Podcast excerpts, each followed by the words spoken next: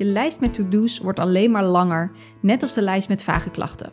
Zoveel dromen en wensen, maar zo weinig energie. There, done that. Mijn naam is Savannah en met mijn bedrijf Heldsam help ik jonge vrouwen die al langere tijd vermoeid zijn naar meer energie. Zodat ze s'morgens uitgerust wakker worden en s'avonds nog energie hebben om te doen waar hun hart echt van gaat zingen. In deze podcast neem ik je mee in hoe mijn eigen reis naar meer energie eruit zag en laat ik je vooral zien dat het ook anders kan. Ja, welkom bij weer een nieuwe aflevering van de Heldsam podcast. En deze keer ben ik niet alleen. En dat maakt ook eigenlijk dat ik meteen even een excuus misschien vooraf moet maken. Want wellicht wordt dit de eerste keer dat ik 30 minuten van een aflevering overschrijd. Hè. Ik heb ooit de belofte gemaakt om niet langer dan 30 minuten jou lastig te vallen in je oren. Maar als deze aflevering langer gaat duren dan 30 minuten, dan durf ik nu al te zeggen dat hij het gegarandeerd waard is. Um, want vandaag is niemand minder dan Rina Frutaal te gast in mijn podcast. Rina, welkom. Ja, leuk, dankjewel. Leuk, leuk. Nou, en voor de luisteraars die nu denken, Rina, wie is Rina? Nou, Rina gaat zich zo vast nog even voorstellen. Uh, kleine intro van mijn kant is, uh, Rina heeft ongeveer, nou, ik denk een jaar geleden bijna, een uh, traject. Ik moet eigenlijk even denken over de data, dat is niet heel spannend. Maar eind 2020. een jaar geleden. Ja. Zeg je? Eind 2020 volgens mij. Oh, zo. Ja. Een jaar geleden. Ja, ik heb natuurlijk verlof gehad intussen. Dus dan, dan voelt het opeens alsof er een gat is wat heel snel is gegaan. Wat dus ook echt zo is. Goed, ruim een jaar geleden heeft Rina een traject bij mij gevolgd. En um, ik heb haar gevraagd of ze daar wat over wil vertellen. Uh, in alle eerlijkheid, uh, uiteraard, voor zover ze dat gaat doen als ik de vraag stel. Maar goed, dat moeten jullie allemaal even aannemen. En um, dat maakt dat ze hier vandaag zit. Nou, niet letterlijk, we, we doen hem online, hè, zo hip als het kan. En um, laat ik eerst maar eens Rina vragen. Rina, wil jij iets over jezelf vertellen? En het mag heel random zijn. Je mag van die superleuke random feitjes delen zoals je laatst deed via Instagram. Uh, ook een volgtip trouwens meteen, volg Rina is erg leuk. Je mag delen wat je doet voor werk. Je mag iets delen over je gezin. Van alles. Maak er maar wat van. Oké, okay, nou sowieso bedankt voor de leuke, leuke intro. Um, ik moest net al een klein beetje lachen toen je mij begon met voorstellen door mijn achternaam te zeggen. Want als ik mezelf moet voorstellen, uh, zeg ik eigenlijk nooit meer mijn achternaam sinds ik getrouwd ben. Want sinds ik getrouwd ben, hoef ik, uh, heb ik nog nooit zo vaak mijn naam moeten spellen. Mijn meisjesnaam is eigenlijk Verstappen, maar sinds ik getrouwd ben in 2018 heet ik Vrutaal. en komt... Ben je pas in 2018 getrouwd? Ja, wij kennen elkaar wel al 15 jaar, dus we ja. zijn 15 jaar samen. Maar wij zijn pas uh, um, uh, in 2018 getrouwd. En het grappige is, ik heb altijd gezegd, ik ga nooit trouwen. Maar ik wilde heel graag dezelfde achternaam als mijn zoontje. Dus ik ben juist om die naam ben ik getrouwd. Dit herken ik heel erg. Nou heb ik wel een achternaam inmiddels die goed uit te spreken valt. Maar mijn voornaam moet ik ook altijd spellen. Dus ik dacht toen ik uh, toen ik zwanger raakte, zei ik echt tegen Rinus van... joh, uh, we gaan echt voor een naam die het kind later nooit hoeft te spellen. Want dat is echt zo irritant. Dus ik snap wat dat betreft helemaal wat je zegt over je achternaam. Maar goed, ja, ik, la dus, dus... ik laat hem gewoon weg, normaal gesproken. Of ik krijg er heel veel grapjes over aan op zich. Ik knip hem eruit. Prima. Het is Rina. Nee, het is Pauze. Rina. nee, joh, maakt niet uit. En wat verder nog leuk is om te weten, denk ik... Ik ben, uh, ik ben dus getrouwd... Uh, ik heb een zoontje, die wordt dit jaar tien jaar. Uh, ik heb een eigen praktijk, net als Savannah. Wij zijn business buddies. We hebben elkaar ooit leren kennen in een, in een traject. Uh, wat we samen volgen om ons bedrijf te laten te groeien. En wat ik dan doe, ik ben hypnotherapeut en ik help en carrièrecoach. En ik help mensen die vastzitten in hun carrière, die geen idee hebben wat voor werk ze willen doen. Die help ik uitvinden welk werk fantastisch goed bij hen past. Zodat ze succesvol en zelfverzekerd van carrière kunnen switchen. Dus dat is in, no in de nood. Ik ben een Pieterpad aan het wandelen. Dat is misschien, ja, daar moet ik nu ineens aan denken. Maar dat is, als je dan nog een fun fact wil, dat.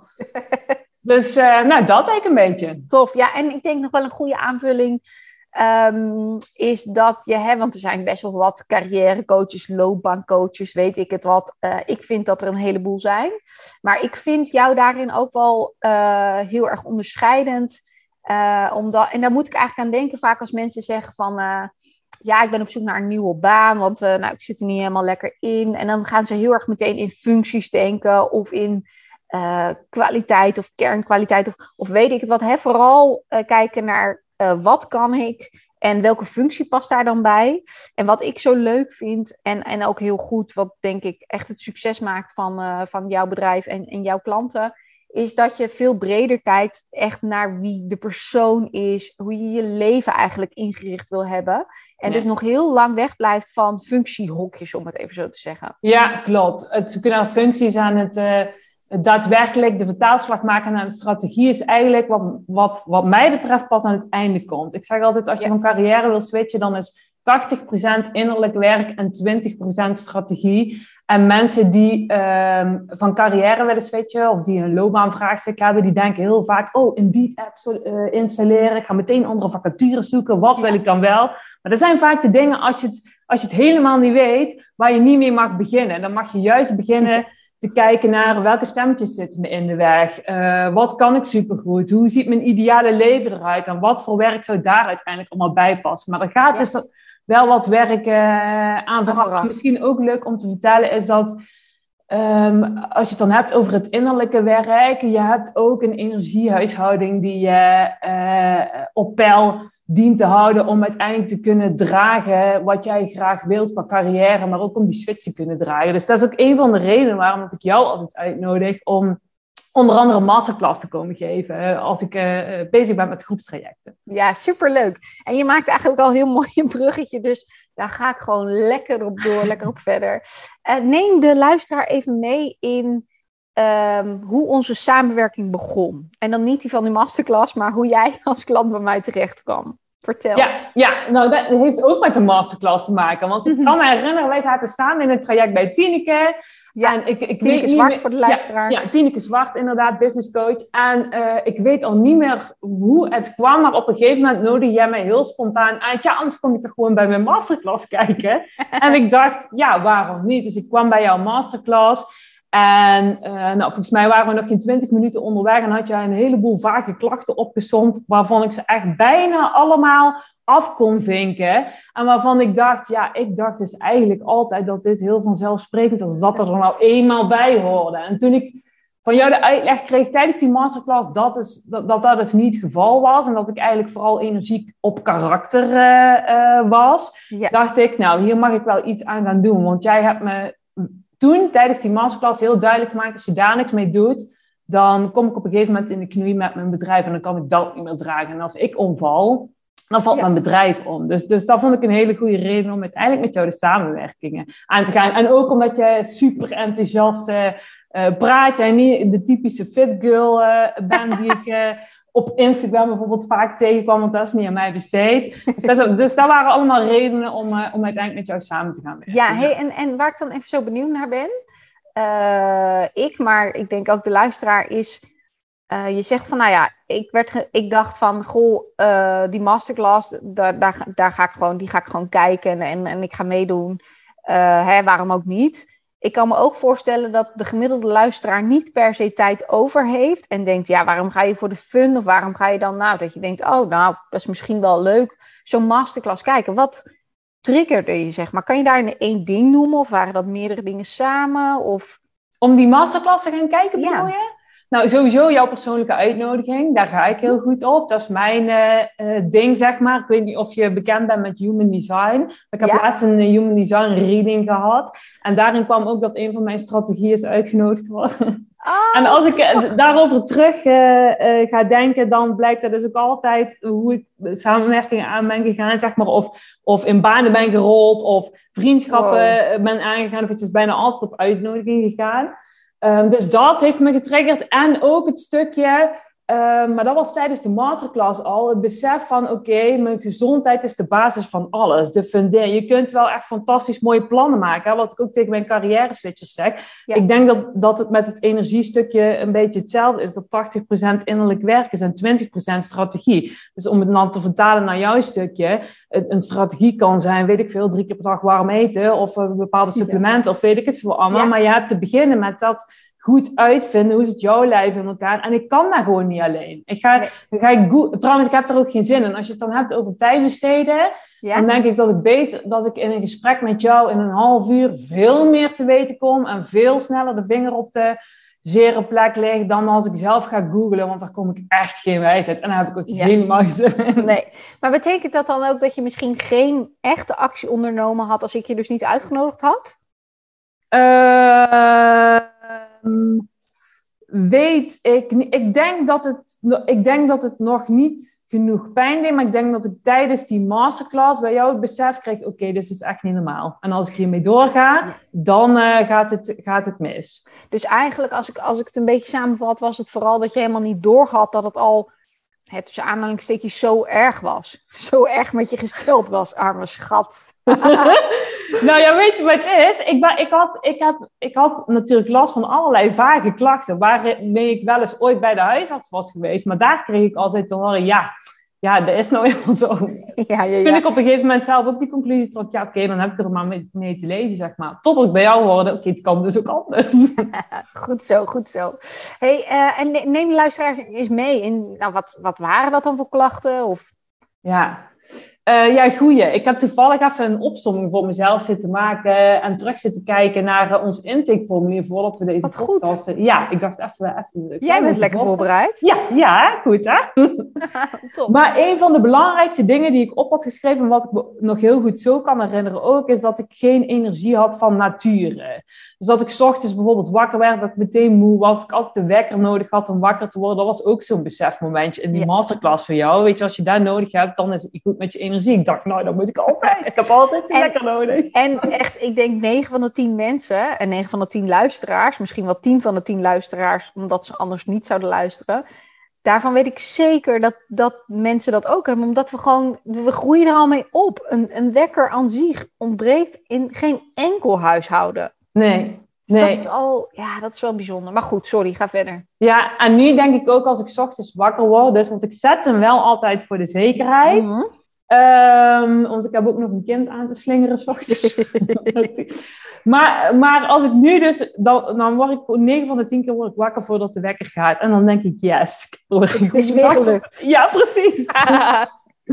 ja, dus dat was een dingetje. Maar ook bijvoorbeeld uh, buikpijn. Ik had altijd heel erg veel last van dat ik ochtends heel vaak naar de wc moest. Haaruitval, heel mm. vet haar. Koude neus, koude handen, menstruatieklachten. Heel moe wakker worden. Zo had ik net al gezegd. Uh, jeuk op mijn, weet je wel, dat soort dingen allemaal. En toen ik jouw intakelijst uh, destijds aan het invullen was, dacht ik, oh ja, dit check, check. check ja, ja, ja, ja, ja. ja, jeuk bijvoorbeeld is ook zo'n hele vage klacht. Als je met jeuk naar de huisarts gaat, dan nou ja, ik heb eigenlijk nog nooit gehoord dat mensen dan ook echt... Ja, misschien krijgen ze een zalfje mee, maar jeuk kan ook heel vaak op heel veel verschillende plekken bijvoorbeeld zitten op je, op je huid. En ga je dan overal smeren.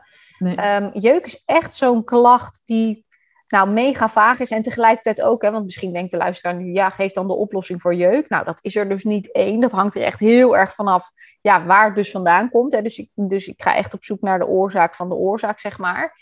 Um, jeuk is er zo één, maar menstruatieklachten bijvoorbeeld ook. Ik weet nog heel goed dat toen ik het had over. Um, nou, ik had zelf vroeger, toen ik nog op de middelbare school zat, had ik zulke heftige menstruatieklachten dat dat mijn reden was om aan de pil te gaan. Want anders lag ik gewoon echt met buikpijn in bed. En ik was ja. echt niet het type wat uh, regelmatig ziek thuis was of zo. Helemaal niet. Vond school, vond school ook gewoon verder leuk. Dus uh, het was best wel een contrast met dat als ik dus opgesteld moest worden, dat ik dan gerust een dag in bed kon liggen.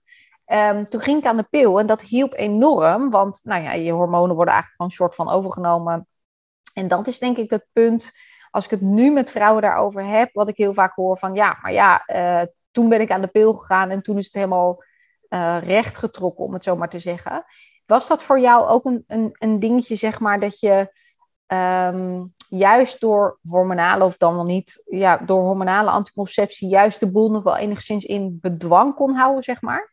Ja, ik ben ook op mijn vijftiende aan de pil gegaan, mede door heel erg heftige uh, acne. Mm -hmm. en, uh, maar ook uh, de, de heftige menstruatieklachten, dat hielp heel goed, maar ik kreeg depressieve klachten van de pil. Dus ik ben daar wel gauw genoeg alweer mee opgehouden. Oh, ja. Dus het was voor mij altijd een beetje kiezen tussen twee kwaaien, zeg maar. Ja. Ga ik voor de depressieve klachten of ga ik voor de ja. heftige menstruatieklachten? Dat, ja, dat snap ik. Ja.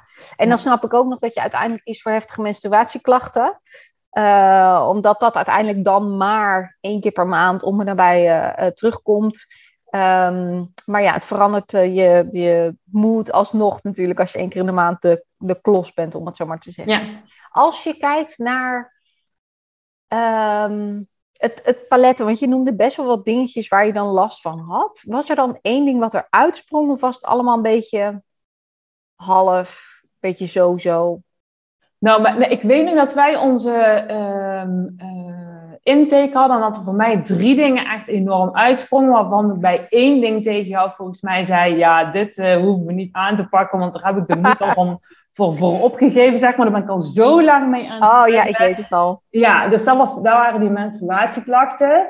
Uh, en verder was het mijn geen energie van nature ding en mijn, uh, mijn buikklachten. Ja. ja. Ja. Ja, helder. Ja, die kan ik allebei ook goed herinneren. en hoe zou je nu je... En we zijn nu bijna een jaar verder. Um, misschien maken we even een hele grote sprong, maar ach, dat is er maar even zo. Uh, we, zijn, we, zijn dus meer dan een jaar verder eigenlijk. Als je nu kijkt naar wat het traject je dan het meeste heeft opgeleverd aan blijvende winst, zeg maar. Waar zit dat, op welk vlak zit dat dan? Ja, op veel vlakken hoor. Ik weet niet of ik één ding kan kiezen, maar met, nou, vooral het stukje energie. Weet je, ik ben van natuur eigenlijk een heel energiek persoon. Uh, maar dat was er heel erg afgegaan. Nou, waar dat dan precies aan heeft gelegen, weet ik niet. Maar dat is terug. En dat vind ik echt zoveel waard. Weet je wel, die kleine dingetjes waar je aan merkt, zoals dat ik ochtends niet de wekker hoef te zetten. Dat ik wakker uh, word uit mezelf. Dat ik heel de dag door energiek blijf. En dat ik um, uh, nou, daar weer echt plezier van heb. Zeg maar. Dat ik niet me de dag door moet beuken, om het zo maar te zeggen. Ja, ja, ja, ja want dus, het, was, het was denk ik ook niet zo dat je uh, jezelf de dag door moest slepen. Hè? Met name omdat je gewoon een energie karakter hebt. Precies wat, wat jij zegt. Ja, dan ga ik op karakter. Dat is wat ik deed inderdaad. Ja. Ja. Ja, ja, ja. Dus je zou jezelf denk ik ook niet omschrijven dan als moe op dat moment. Of dat wel? Mm. Of zouden anderen zeggen van... Goh, zo die Rina, die is even moe? Nee, ik denk niet dat andere mensen dat snel zouden zeggen. Nee. dat ik moe ben. Maar dan, dan is het... Ja, ik kan niet zo goed uitleggen wat het verschil is. Ik voel me nu veel nu is het normaal om me zo fit te voelen. En voordat ik met jou ging werken, moest ik me mijn beste voldoen. Ja. Dat is denk ik het beste hoe ik het kan om. Ja, ik herken dit zelf heel erg. Want ik ben ook energiek qua karakter. Dus mensen merkten nooit iets aan mij. Maar ik was echt totaal los, jongen. Ja. En, en met name in dit weekend gebruikte ik echt om bij te slapen. Dus, dus mijn vermoeidheid was denk ik wel een tikkeltje erger nog dan bij jou. Maar ik herken wel heel erg dat mensen dat helemaal niet uh, zagen. Ik zag er verder ook niet super slecht uit, of al zeg ik het zelf. het was helemaal niet dat ik er super slecht uitzag, als in met dikke wallen of super bleek. Of weet ik wat. Nou, doet make-up ook wat dat betreft wel wonderen. Maar um, dat, dat energieke karakter, dat is vaak wat mensen onthouden, zeg maar. En ik denk ook, als ik even zo, als ik, als ik even terug ga denken, dat dat wel een van de dingen was waardoor ik nooit had verwacht misschien dat jij een traject bij mij zou gaan doen. Want jij oogde helemaal niet als iemand die moe was of iemand die heel veel last had van vage klachten, et cetera. Nou kenden we elkaar toen ook nog niet super goed, maar toch, ik denk dat dat wel, um, ja, ik, ja dat, dat is wel iets wat me, wat me achteraf gezien bij is gebleven. En ja, en ik ben sowieso ook, weet je wat ook is? Ik ben geen uh, piepers. Ik heb, ik heb mm zelfs al snel een beetje een allergie voor mensen die, eh, die weet je wel, al hun klachten te pas en te onpas bespreken. En ik kan wel heel snel denken, nou, uh, zand erover, hoppers schouders. Maar dat is dan juist denk ik ook de, de, de valkuil. Dus dat jij dit zegt, is denk ik, ik, ik ik vind het van nature ook lastig om bijvoorbeeld aan te geven dat ik ergens last van heb. Of als ik dat dan wel doe, bijvoorbeeld dan naar de huisarts te gaan en die zegt dan, ja, daar hebben zoveel mensen last van buikpijn, leer maar we leven. Of weet ik het veel waar. Of er komt niks uit een onderzoek of zo, dan denk ik ook, oké, okay, niet zeuren en door. Ja, ja, ja, ja. En, en, en ik denk dat dat bij ons beiden wel een beetje in de allergie uh, zit. Dat um, je ook natuurlijk de andere kant hebt, dat mensen heel erg in de slachtofferrol gaan ja. zitten. En dat, dat van ja, nou ja, zo is het nou eenmaal. En uh, ja, en, en ik denk dat je, je mag natuurlijk best huiverig zijn. Ik denk dat het heel gezond is om ook een beetje ergens van nature vraagtekens bij te hebben van, goh, gaat dat dan echt werken? Een beetje met, met, met, met die menstruatieklachten wat jij zei. Dat je dacht van, nou, dat gaat hem nooit worden. Dus die laten we eigenlijk maar buiten beschouwen. Een beetje zo, hè, dat, je, dat je eigenlijk best wel een beetje huiverig bent. Uh, of eigenlijk niet kan geloven dat iets werkt. Dat is natuurlijk wat anders dan uh, jezelf een slachtofferrol aanmeten, om het ja. zo te zeggen. Ja, ja, ja, ja, ja. ik denk dat je hem daarmee goed omschrijft. Ik denk dat dat het precies is. Ja, ja. dat. Weet je, ondanks, uh, weet ik veel wat er allemaal speelt, er altijd het beste van proberen te maken. En gewoon en door willen. Ja, ja, ja. En ik denk ook dat dat in jouw voordeel heeft gewerkt, dat je qua mindset ook al heel veel dingen had gedaan. Want heel vaak hebben mensen ook niet door wat de invloed van je mind is, zeg maar. Nou, inmiddels ben jij hypnotherapeut uh, uh, en weet jij dat nou nog tien keer zo goed als ik, als het geen honderd keer is. Maar hè, dus wat de invloed van je mind is. Uh, maar de gemiddelde, nou, de gemiddelde vrouw die last heeft ergens van, die heeft dat vaak helemaal niet door. Uh, voor de luisteraar, mocht je nu denken van nou, dat valt allemaal wel mee, wat de impact van je mind is, luister dan even de aflevering die hiervoor zit. Volgens mij is dat aflevering 12 uit mijn hoofd. Die gaat daarover met een hele korte, simpele oefening, uh, waarin je dus erachter gaat komen wat de invloed van je mind is. Ah, Want juist dat stuk is super bepalend. Uh, en ik zeg ook heel vaak, als het met je mind niet goed zit, um, ja, dan is het bijna onbegonnen werk, zeg maar. Ik weet niet of jij daar vanuit jouw rol, of jouw rol, ja, voor jouw um, functie wilde ik bijna zeggen, jouw, jouw ding als hypnotherapeut nog iets over kan zeggen? Nee, ja, ik, ben, ik, ik ben het daar helemaal mee eens. Dat is ook een van de redenen waarom dat al mijn trajecten daarmee beginnen. Want als jij, uh, uh, jezelf, als jij continu negatief tegen jezelf praat heel de dag, of, of negatieve woorden gebruikt, of ja um, uh, belicht wat er allemaal niet goed gaat, wat er misgaat, dan heeft dat echt enorm veel effect op jouw stemming, op je gevoel en uiteindelijk ook je gedrag. En, en doordat je bepaald gedrag laat zien, krijg je daar weer bepaalde gedachten over, negatief. En zo gaat die cirkel steeds verder naar beneden, zeg maar. Dus daar kun je jezelf al ontzettend in trainen door Um, uh, bijvoorbeeld positieve taal te gebruiken of uh, positieve woorden, uh, woorden te kiezen. En heb je daar een paar voorbeelden van? Nou, ik, ehm, jij hebt het over een oefening en er komt ook meteen een oefening in mijn hoofd opploppen. Maar ik weet, dat is misschien een beetje lastig om, om te doen via de podcast, maar ik kan hem wel uitleggen. En als hij straks niet beklijft, dan moet je hem maar uitknippen. Van. maar ik, jongens, als er nu dus een gat valt hierna, dan weten jullie dat het dus een logo was. mislukt is. ik ben heel benieuwd. Nou, Neem ons vooral even mee. Ja, nou, weet je, als ik um, uh, uh, met klanten in de, in de praktijk werk en zij um, uh, focussen zich bijvoorbeeld heel erg op wat er allemaal niet goed gaat, wat ze nog niet hebben, wat er misgaat, wat er, wat er niet lekker loopt in hun leven, dan doe ik een oefening en dan vraag ik ze om even goed in de ruimte rond te kijken en dan vijf rode dingen te benoemen. En uh, vervolgens laat ik ze die vijf rode dingen helemaal in zich opnemen. Dan ja, dus we, gaan even een kleine pauze laten vallen. Want dan kunnen de mensen die het willen doen, die kunnen het meteen doen. Hè, dus, dus ik denk dat ze even tien seconden... Nou, wij lullen die tijd wel even vol. Mogen ze ook echt even in de ruimte kijken naar... Gaan ze specifiek op rode dingen? Prima, Ja, rode dingen. En als je nu in een ruimte bent waar je elke dag in bent... dan gaat de oefening misschien iets minder goed. Maar de mensen met wie ik deze oefening doe doe ik in oh, mijn praktijk waar ze verder nooit komen. Dus ik laat ze focussen op vijf rode dingen. Die laat ik helemaal in hen opnemen. Dus dan gaan ze echt op zoek naar die vijf rode dingen. En dan vraag ik ze vervolgens om hun ogen te sluiten. Ja, en, en, als, sorry, nog even één, één klein dingetje. Als ze geen vijf rode dingen kunnen vinden... Je kan altijd vijf rode dingen vinden. Oké, helder. Ja, dus vijf rode dingen. En als je ze niet kunt vinden, moet je iets beter je best doen. Goed. zeker dat het je lukt.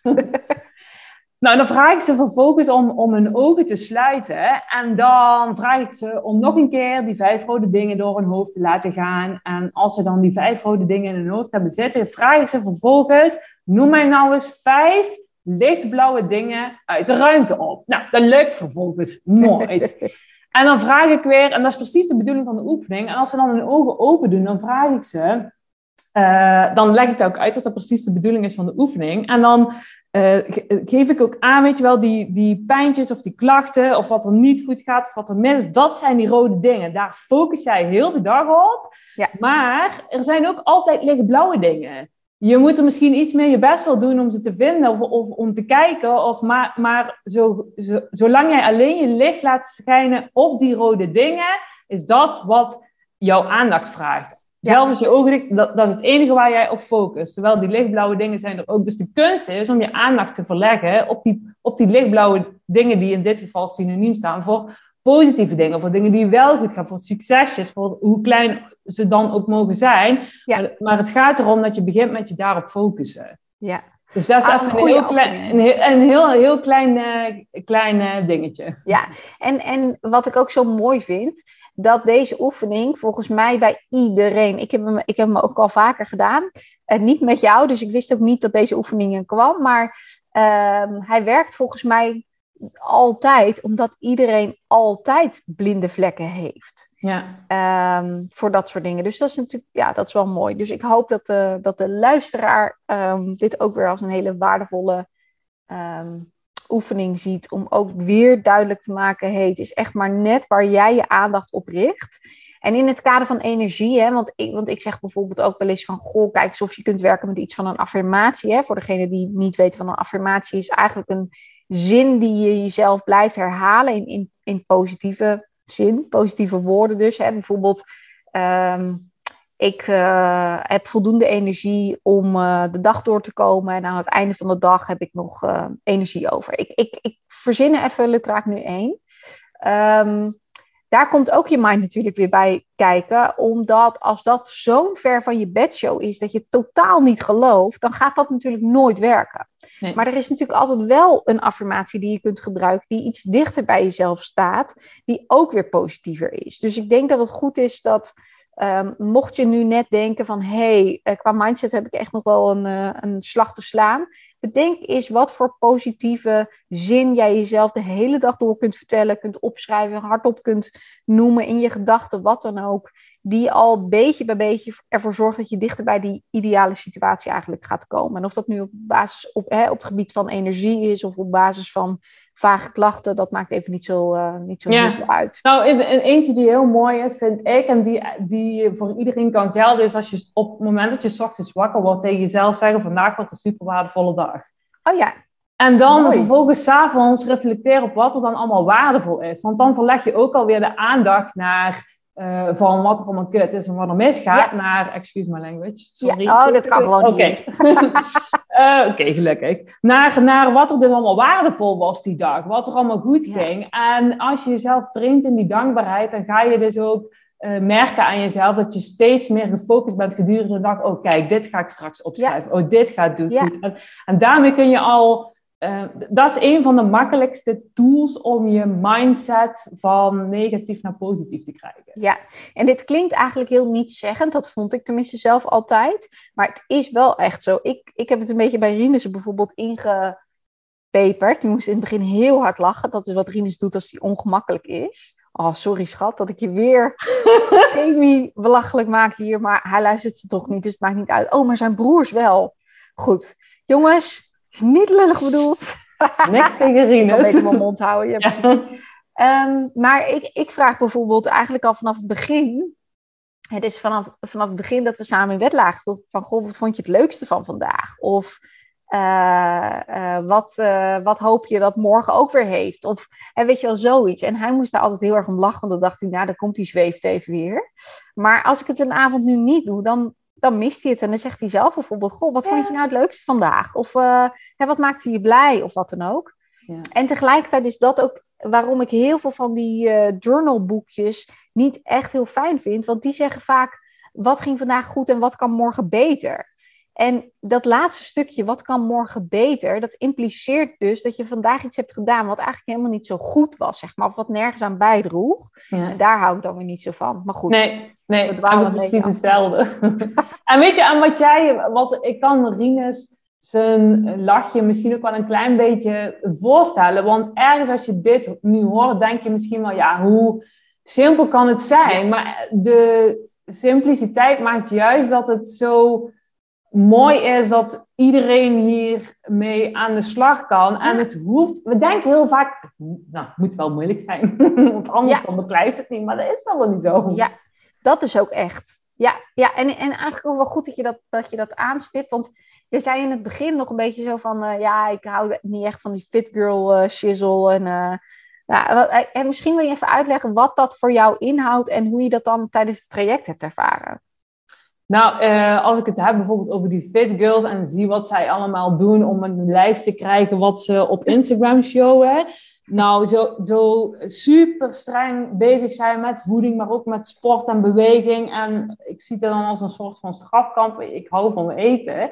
Maar ik weet dat. Ja, ik weet dat. Voor mij gaat in ieder geval als ik het heel extreem moet gaan doen of heel rigide, dat ik het misschien best even kan, maar dat ik gauw genoeg afhaal. Dus ik heb liever dat ik dan met kleine aanpassingen. Weet je, er is ooit een onderzoek gedaan naar. Als je elke dag 1% beter doet, kun je je voorstellen hoe je er volgend jaar dan bij staat. En dat is eigenlijk een beetje wat jouw traject ook is. Weet je, die kleine aanpassingen doorvoeren, maar die wel blijven zijn. Want net als wij begonnen ons traject en toen dronk ik nog elke dag cola light. En ik ben nu inmiddels al, al ruim een jaar, dus heb ik geen cola meer gedronken. ja, en, en ik weet nog dat je zei van, uh, ja, die cola, daar ga ik echt niet van af hoor. Of ik weet niet meer. Er waren een heleboel dingen waarvan ik dacht, ja, ja, ja, ja ah, die vriendin of ik dit ga doen. Ja, ja, ja, ja. En dan zei ik, prima, weet je, we kijken gewoon. Ja. Kijk maar eens, weet je, of je het wil halveren. Eh, over koffie bijvoorbeeld. Oh, koffie was natuurlijk voor jou ook zo'n ding. Ja. Daar komen we zo nog op. Ja. Ehm, bij koffie zeggen heel veel mensen, ja, ik kan echt niet zonder hoor. Ik kan gewoon niet zonder koffie. Nou, beschrijf eigenlijk maar even hoe we dat hebben aangepakt in jouw geval. Dan wordt denk ik meteen wel duidelijk wat ik daar meestal mee doe. Ja, ik weet eigenlijk nog niet eens hoe ik het al hard op durf te zeggen hoeveel koffie ik dronk. doe gewoon, doe gewoon. Er zijn, zijn sowieso mensen die dit gaan herkennen. Dus dat is alleen maar heel fijn. Nou, toen dus- ik bij jou in het traject kwam, dronk ik tien koppen koffie per dag en dan rond ik het naar beneden af. Ja. ik lach om dat, om dat afronden. En toen, toen kwam ik in je leven en toen dacht je toen, toen, was een van de eerste dingen die we aan gingen pakken cola light en koffie. en toen dacht ik wel, oh ja, ik ben hier. Ik dacht al van mezelf dat ik ik kom, toen ik student was, toen leefde ik een beetje op Red Bull eh, Light, weliswaar. En ja, heel goed, heel goed. croissants, omdat ik dacht, nou, dat is gezond. Weet je wel, volkoren en light. Ja. Maar, maar daar was ik al van af, want ik wist inmiddels wel van, nou, dat is helemaal niet zo gezond. Maar ja, ik had nog steeds een heleboel ongezonde dingen, of in ieder geval wat niet goed was voor mijn uh, lijf. Maar ik, die koffie en die cola light was echt mijn soort van heimelijk genoegen, zeg maar. Dat, dat was mijn... Ja. Uh, uh, dingetje. Maar ik ben gewoon, of nou gewoon, we zijn gaan minderen om te kijken. Uh, Hoe je je zou voelen. Precies. Dus, en, en weet je wat, en het stukje van wat jij zegt, ik heb koffie nodig, dat, dat had ik toen ook, toen wij begonnen. Of tenminste, ja. daar maakte ik mezelf wijs. Van, ik heb de koffie nodig om heel de dag, weet je wel, la, door te gaan. Ja. Um, maar dat is helemaal niet zo. En ik, zit nu op, ik ben niet gestopt met koffie drinken. Dat zal ik maar meteen maar heel eerlijk bekennen. Ik zit op max twee kopjes per dag. Ja, maar en dat is dus ook iets wat werkt voor jou. Want je hebt inmiddels dus ook ervaren wat het voor je doet als je, nou je weet nu hoe het is om uh, goed tien koppen per dag te drinken. Je weet hoe het is om ergens ertussen te zitten. Je weet hoe het is om, om één, twee koppen te drinken. En uiteindelijk kies je dus iets wat voor jou het beste werkt. En ik denk ook dat dat het allerbelangrijkste is. Wil je dus een soort blijvende winststrategie hebben of blijvende winst ervaren, dat je uiteindelijk iets zoekt dat bij jou past. En dat betekent dus niet dat jij in jouw geval koffie helemaal overboord gooit. Er zijn andere mensen, bijvoorbeeld ik ga wel heel lekker op dat ik helemaal geen koffie drink. En als ik koffie drink, kies ik dus voor decaf. Maar dat komt omdat ik er heel gevoelig voor ben. Ja. Ehm, maar er zijn zat mensen die er wel prima tegen kunnen. En dus heeft het niet zoveel zin, in mijn ogen althans, om zomaar lukraak van alles te, te, te schrappen bijvoorbeeld. Hè. Soms komen mensen bij mij en die eten dan glutenvrij, lactosevrij. En weet je, en dat is, daar is niks mis mee. En zeker niet als het voor je werkt. Maar als jij vervolgens nog steeds buikpijn hebt, dan betekent het dus dat er, dat er nog steeds iets in jouw voedingspatroon zit waar je niet helemaal lekker op gaat. Of, en dat vergeten mensen ook vaak, hè, ik, ik probeer ook wel naar de symbolische kant te kijken, dat er dus iets niet lekker voelt, zeg maar. In je, in je buik zit je gevoel ook letterlijk opgeslagen. Ja. Dus er zijn ook mensen die kunnen schrappen wat ze willen, vervolgens alleen nog van een blaadje sla kunnen leven, omdat ze van de rest allemaal buikpijn krijgen. Ehm, terwijl er iets, een gevoelskwestie zit, wat gewoon wat aandacht mag krijgen. Ja. Ehm, dus ik denk ook dat dat goed is om, om, om te weten. Hey, ja, en, en, ik denk dat, om, of sorry dat ik jou onderbreek. Nee hoor. Om nog een kleine toevoeging op het koffiedingetje. Ik weet ook nog dat ik toen bang was dat als ik zou gaan minderen met koffie, of zou, zou gaan stoppen met koffie, dat ik bang was om heel erg hoofdpijn te krijgen. Oh ja. En daar, nu, daar moet ik nu ineens aan denken, want dat was ook een van de klachten. Want ik had best wel vaak hoofdpijn en dan gelukkig geen migraine. Maar wel, weet je wel, altijd van die zeurende. Ik, ik, had een paar keer per week, zeg maar, paracetamol nodig. Oh om gewoon zonder hoofdpijn de dag door te komen. En dan heb ik toen bij jou volgens mij ook aangegeven... als ik stop met de koffie krijg, krijg ik gigantische koppijn. Ja, dus, maar, Goed maar verhaal vertelde je jezelf wel trouwens. Ja, nou, Als je het dan hebt over de lichtblauwe en de rode dingen. Precies. Maar um, ik weet ook dat wij met supplementen en alles aan de slag zijn gegaan. Ja. Waaronder uh, bijvoorbeeld magnesium. Ja. Die flik ik nog steeds. En ik heb het enige momenten waarop ik nu nog hoofdpijn heb, is uh, uh, de, de eerste en de tweede dag voordat ik ongesteld moet worden. Nou, vergelijken met wat het was, is dat wel echt top, ja. Ja, dat is echt, echt fantastisch. Plus, ik weet, als ik nu hoofdpijn krijg, oh, ik ben weer aan de beurt bij. nou, dan heb je weer een bevestiging dat er geen uh, zwangerschap op de loer ligt. Nou, dat is dan wel weer een, uh, een, uh, een uitkomst, tenminste. Niet voor iedereen, maar goed. Dat is weer een heel ander verhaal. Voor mij wel. ja, precies. Um, ik, ik bedacht me net nog iets, dat ben ik nu even kwijt, maar dat komt, komt vast, vast nog. Was er iets en dat vraag ik me ook nog af. Was er iets waar jij van tevoren huiverig voor was? Hè? Bijvoorbeeld omdat je wist dat ik uh, oh, ik wilde nog wat zeggen over koffie. Dat doe ik zo meteen nog even. Um, was er iets waar jij huiverig voor was, omdat je had gehoord dat ik, uh, weet ik veel, anti-koffie zou zijn? Ik doe nu aanhalingstekens, maar dat vind je natuurlijk niet. Nee, want dat had ik niet gehoord en ik had van tevoren een heel goed gevoel bij jou, waar ik wel nog een klein beetje huiverig over was. Nou, de, de Fit Girl, dat was, was tijdens de masterclass en toen ik jou leerde kennen met Tineke ook al helemaal weg, maar ik was wel nog een beetje bang voor, oh, dit gaat me heel veel tijd kosten. Als ah, ik sta s'avonds elke avond anderhalf uur in de keuken nog om mijn maaltijden te preppen en weet ik het veel ander, heb ik helemaal geen zin in. En ik moet naar de, uh, naar de toko en weet, en ik, voor de luisteraar misschien hoor je het wel een klein beetje een accent. Ik kom echt uit een dorp in, uh, in Brabant, dus als ik naar de toko moet, dan... Uh, dus ik dacht, oh, dat gaat me heel veel tijd en heel veel geld kosten. Als in, weet je wel, ook van die hele bijzondere ingrediënten en dat soort dingen allemaal. En daar had ik niet zoveel zin in. Dus als je het dan hebt over de typische fitcard, dat is enerzijds het, het, het, strakke, uh, strenge regime uh, qua sporten, qua eten en weet ik het wel. En ander, anderzijds was daar voor mij ook het stukje dan ben ik dus alleen nog maar met eten bezig, uh, qua geld en qua tijd, en niet op een positieve manier. Daar was ik een beetje bang voor. Nou, dat is ook ah. helemaal niet waar gebleken. nou, dat, dat is super fijn. Ja, wat ik zelf heel erg heb, is. Ik heb heel veel respect en heel veel bewondering voor iedereen die heel strak is qua eten, qua hoe hun leven ingedeeld is. Ik weet nog dat ik bij, uh, bij mijn opleiding tot oerstercoach um, kwam zat er een keer iemand naast me en die had letterlijk helemaal opgeschreven voor de hele week wat ze exact ging eten. Uh, dus echt van tussendoortjes tot nou, drinken ook. En, en echt van alles. En ik weet nog dat ik dacht, wow, wat knap en wat, wat goed. En, en, en ik was echt een beetje, ik was onder de indruk gewoon daarvan. Dat ik dacht, jee, wat, wat, wat knap en, en wat goed. En uh, nou, een hele ding. Want het was ook allemaal super gezond, weet je wel. Nou kwam ik daar aan met dat ik gewoon af en toe nog patat eet of pizza of weet je wel. Nou, dat, toen dacht ik, hmm, nou, dus ik voelde me daar eigenlijk helemaal niet zo goed over, over mezelf. Omdat ik dacht, nee, ik moet nu ook... Uh, Terwijl ik later, dat was denk ik pas een paar weken daarna of zo, toen, toen bedacht ik, dacht ik er opeens weer aan. Toen bedacht ik me dat het sowieso iets is wat helemaal niet bij me past. Maar tegelijkertijd zou ik ook überhaupt niet willen dat voeding zo'n rol zou hebben in mijn leven. Omdat het dan, het kan best wel in je hoofd gaan zitten. Uh, en dan ga je heel erg denken in, in de kaders van goed of fout. Terwijl wat, waar ik heel erg van weg probeer te blijven, juist, is dat goed of fout. Als jij een salade wil eten die je, die je uber gezond maakt, omdat er alleen maar fantastische eh, dingen en groenten in zitten, en je geniet daar heel erg van, top. Maar als jij uh, uh, lekker patat wil eten met een, hoe noemen ze dat ding in Brabant ook alweer? Die, is dat een cito-stick, wat echt Brabants is? Nou goed, anyway. Een worstenbroodje. Een worstenbroodje kan ook. Als jij het nou echt denkt, oh, daar heb ik zin in en dat wil ik eten. Prima, ook vooral doen.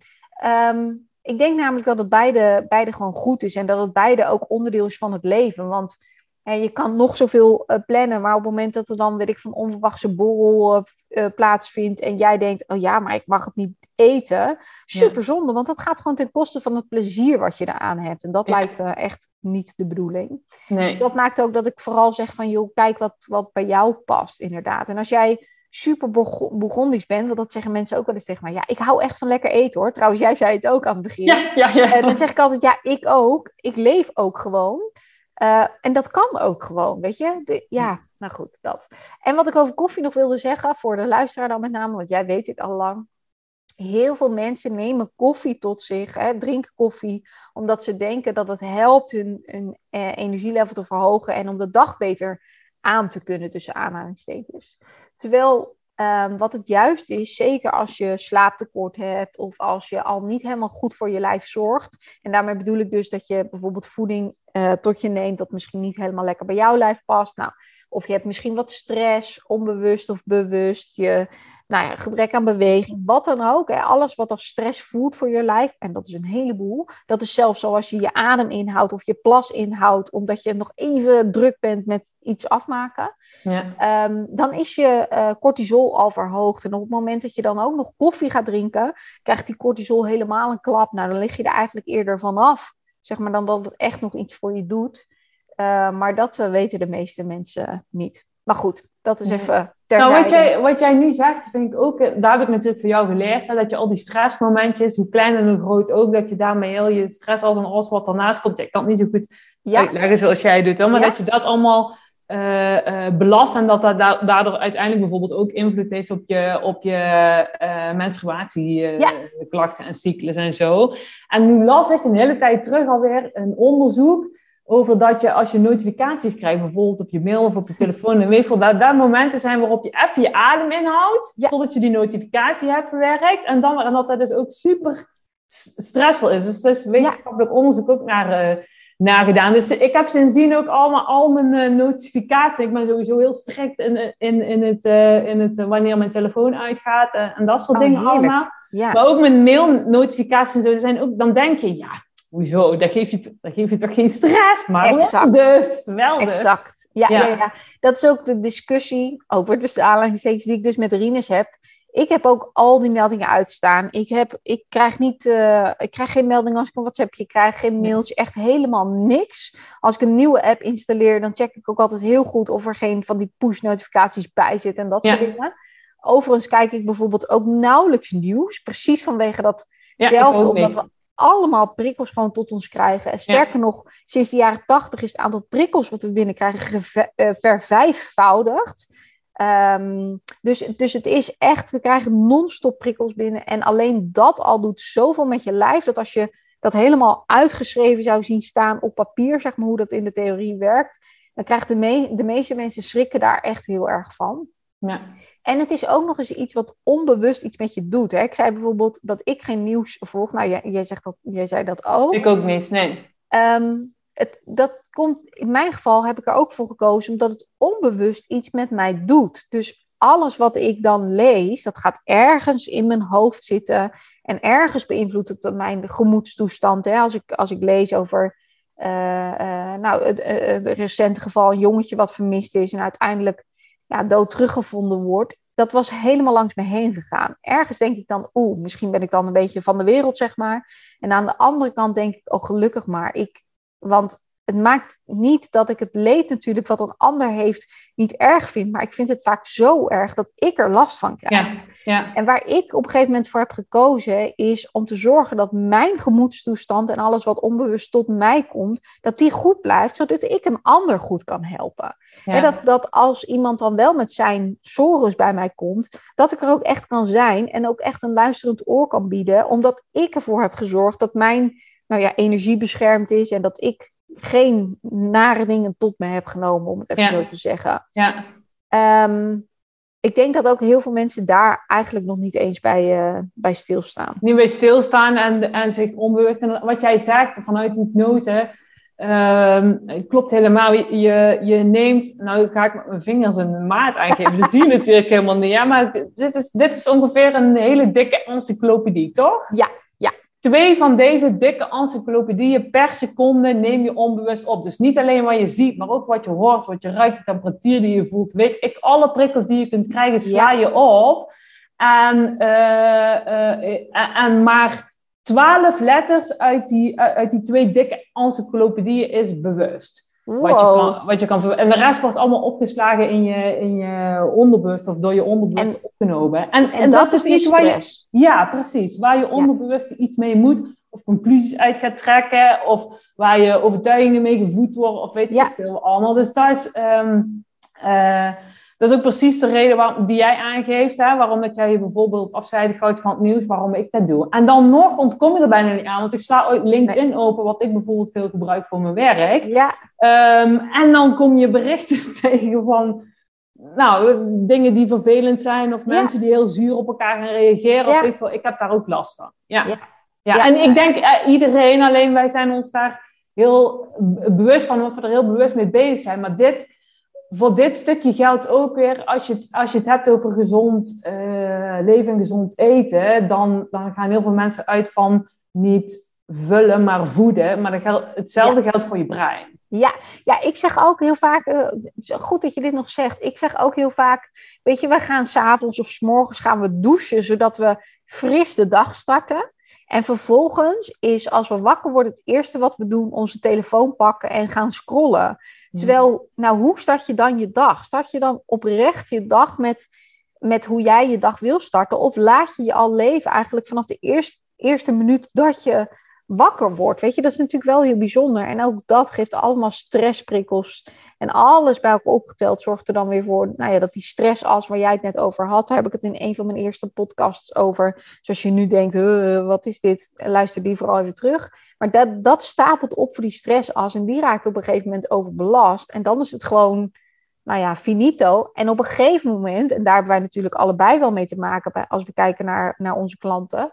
Uh, op een gegeven moment kom je dus ook dan in een burn-out terecht, bijvoorbeeld. Ja. Omdat het allemaal eigenlijk al lange tijd te veel is. En um, eh, ik, ik waag me even niet aan de, ex, uh, de exacte term burn-out, maar um, waar het mij vooral om gaat, is dat iemand voor wie het te veel is, dat is natuurlijk niet van gisteren op vandaag ontstaan. En ik zeg ook altijd, dat is ook niet van vandaag op morgen opgelost. Dat geldt voor iedere klacht, want dat leeft al vaak een tijdje. Um, maar wat wel belangrijk is om te weten, is dat het dus vaak niet alleen maar om werk gaat. En het gaat ook niet alleen maar om dat wat je eet. Het is echt het totaalplaatje. Ja. Um, en vaak is de klacht waar het voor, tenminste is mijn ervaring, maar zie ik ook bijvoorbeeld bij uh, collega-therapeuten, de klacht waarmee mensen komen is vaak een symptoom en nooit de echte bron. Weet je wel, werk of ontevreden zijn in je werk is vaak een symptoom van andere dingen die, goed, die niet goed gaan. En om dan weer even terug te komen op waarom dat we starten met mindset, zeg maar. Ja. Dus, dus maar, maar dat is denk ik ook vaak, uh, als je lichamelijke klachten hebt, is een sein van je lijf dat er ergens in de bron of in de fundering iets niet goed zit. Dus dan kun je wel met bijvoorbeeld een paracetamolletje proberen om ja. de klacht weg te krijgen, maar dat is niet de oplossing. Nee, ik, en ik denk ook, en dat maakt ook dat ik juist zo pleit voor zo'n totaalplaatje, dat heel veel mensen denken van, ehm, ik heb hier last van, dus ik wil een oplossing voor die klacht. Ja. Terwijl je, ik hoorde jou dat ook zeggen. En je zei iets van, nou, ik weet niet meer wat ik heb gedaan om ervoor te zorgen dat dit en dit was opgelost, maar het loste zich op. Dat komt ook omdat het heel vaak niet door één ding komt, maar door een combinatie van factoren die je aanpakt. Ja. Dus, dus als mensen mij één vraag stellen van, goh, hoe kan ik dit oplossen? Dan kom ik of met een heel groot verhaal en dan denken mensen, wow, uh, nou, als ik dat er allemaal voor moet doen. Maar dat komt ook omdat het heel onduidelijk is natuurlijk aan de hand van één vraag waar het dan precies door komt. En, dat is denk ik. En dan is het zo waardevol om het samen met iemand te doen die je de juiste vragen stelt, die precies weet waar bepaalde klachten.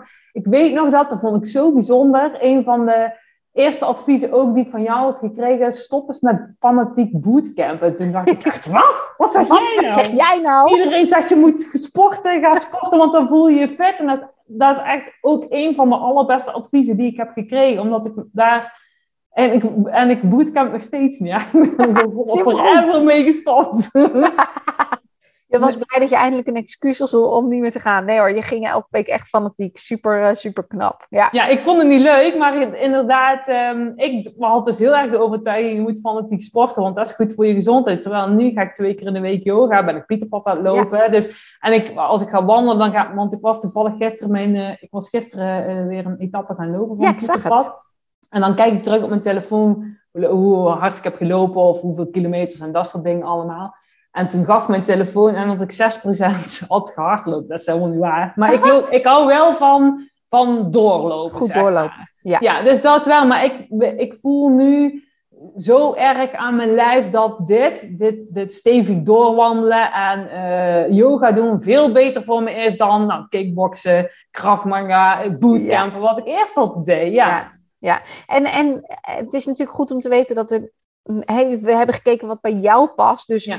Het kan gerust zo zijn dat voor iemand anders het wel echt een hele fantastische uh, sport is. Hè, bootcampen of, of, een hittraining of wat dan ook. Maar het hoeft gewoon lang niet altijd zo, uh, zo te zijn. Dus het is wel mooi dat je dat, mooi dat, je dat zo, zo zegt. Ja, maar ik vond het fijn aan jou dat jij jij luistert naar mijn klacht en je weet heel snel de vinger op de zere plek te leggen. En dan is het ook een kwestie van jezelf eraan overgeven. En net als dat jij toen tegen mij zei van, we, met de koffie gaan we veranderen, of met cola light gaan we stoppen. En uiteindelijk voel ik dan ook, ja, dit is dus wel wat ik hier uh, te doen heb. En dan kan het met, nou, het lijkt het heel simpele aanpassingen. En, maar, maar juist doordat het, door kleine dingetjes te veranderen, is het nu vol. Want we zijn nu ruim een jaar verder. En we, ja, ik drink nog steeds geen cola, de koffie is een stuk minder en ik ben nog steeds niet aan het bootcampen. En je voelt je nog steeds goed, tenminste dat hoop ik dan. Ik voel me goed, ik hoef mijn haar nog maar drie keer in de week te wassen. Dat zei ik toen tegen jou ook, ik had heel vet haar, want dan was ik ochtends mijn haar en dan was het s'avonds alweer uh, vet. Ik voel me energiek, ik word wakker voor, de, uh, voor de wekker. Mijn buikpijn is, is een, een stuk minder en het grappige is, is dat als ik nu buikpijn heb of weer last krijg van mijn stoelgang, s ochtends, dan speelt er vaak iets. Oh, ja. Dan merk ik dat, ik dat er iets. En dan speelt er vaak iets in de zin van in, in mijn hoofd, zeg ja. maar. Dat er, nou, wat ik zei, hè, dan is, is, het vaak een gevoelskwestie of iets ja. wat je wegstopt. Ja, exact. Ja. Ja, ja, heel grappig. Maar ik heb zo goed mijn lijf leren kijken door, door nou, het traject dat, met jou. Ja. ja, dat wilde ik zeggen. Dat het gaat er ook niet om dat je voor altijd klachtenvrij bent, zeg maar. Dus natuurlijk, dat zou utopie zijn. Uh, en, en, het is ook niet dat ik nooit meer ergens last van heb. Ik denk alleen, en dat is mijn streven altijd, dat als er dan wel weer iets voordoet, dat je dan ook weet aan welke knoppen je mag draaien, ja. uh, aan, wat, aan wat het dan ligt, zeg maar. Dat je meteen bij de oorzaak komt, in plaats van dat je weer aan symptoombestrijding gaat doen. Exact. Dus dat ja, is mooi. Uh, ja, mooi dat dat voor jou zo werkt. Ja. Hey, als, als afsluiter, is er iets wat je anderen zou willen zeggen uh, die misschien twijfelen om, uh, om toch de stap te nemen om aan zichzelf te werken. Uh, of, of iemand die, die dit luistert. ik denk dat als je voelt, en dat weet je vaak zelf wel als je zit te luisteren of je, of je hebt dan een aantal posts of mails of weet ik het van wat gelezen en je raakt geïnspireerd en je voelt dit is wat ik te doen heb, geef jezelf er toestemming voor. Want vaak, en dat zie ik ook met mijn klanten, op het moment dat ze zichzelf de toestemming geven om in zichzelf te investeren en dit aan te gaan, en zichzelf de moeite waard te vinden om iets te veranderen, dat, daar zit vaak al zoveel in beweging. En dat heeft ook weer te maken met het zijn wat je dan geeft aan je brein en energetisch gezien. Wat er dan, ja. Ik kan ook niet precies verklaren wat er dan gebeurt, maar, maar alleen dat is al uh, maakt. En laat jezelf begeleiden. Weet je, als ik dit, al, als ik dit op Google had moeten doen, had ik hele andere dingen uitgeprobeerd, denk ik. En dan weet ik niet of, ja. het, of het altijd zo goed uitgepakt had. En dan denk ik dat ik nog uh, uh, mild uitdruk. Ja. Ja. Dat, vind ik ook ah, een beetje, dat vind ik ook een beetje het gevaar eraan van zelfdokteren. Ja, ja, ja, ja, zeker waar, zeker waar. Thanks, mooie, um, mooie afsluiter, denk ik. Dankjewel ook voor je complimenten die overal in verweven zaten. Ja, jij bedankt. Ego gaat er ook erg lekker op. Dus uh, dankjewel, dankjewel. Um, voor de luisteraars, dit was uh, het verhaal van Rina. Als jij uh, je daarin herkent, kijk vooral even naar de checklist die online staat, die je gratis kunt downloaden, die je lekker in kunt vullen op je eigen tijd en tempo. Uh, ik hoop dat je er niet van gaat schrikken, maar wees voorbereid, want de meeste mensen vinken toch net iets meer aan dan ze, dan ze dachten van tevoren. Ehm, voor nu wil ik je onwijs bedanken voor het luisteren. En eh, je weet dat ik de review erg waardeer. En als je het hierbij houdt en gewoon de volgende aflevering weer luistert, vind ik dat natuurlijk ook super leuk. Tot de volgende. Doei! Leuk dat je luisterde naar mijn podcast. Ik hoop dat het je inspireert of hoop geeft, in welke situatie je je ook bevindt. Voel je vrij om mijn podcast te delen met iedereen die je meer energie gunt. Wil je meer inspiratie? Ik ben dagelijks actief op Instagram via heldsam en zou het super tof vinden om daar wat van je te horen. Tot snel!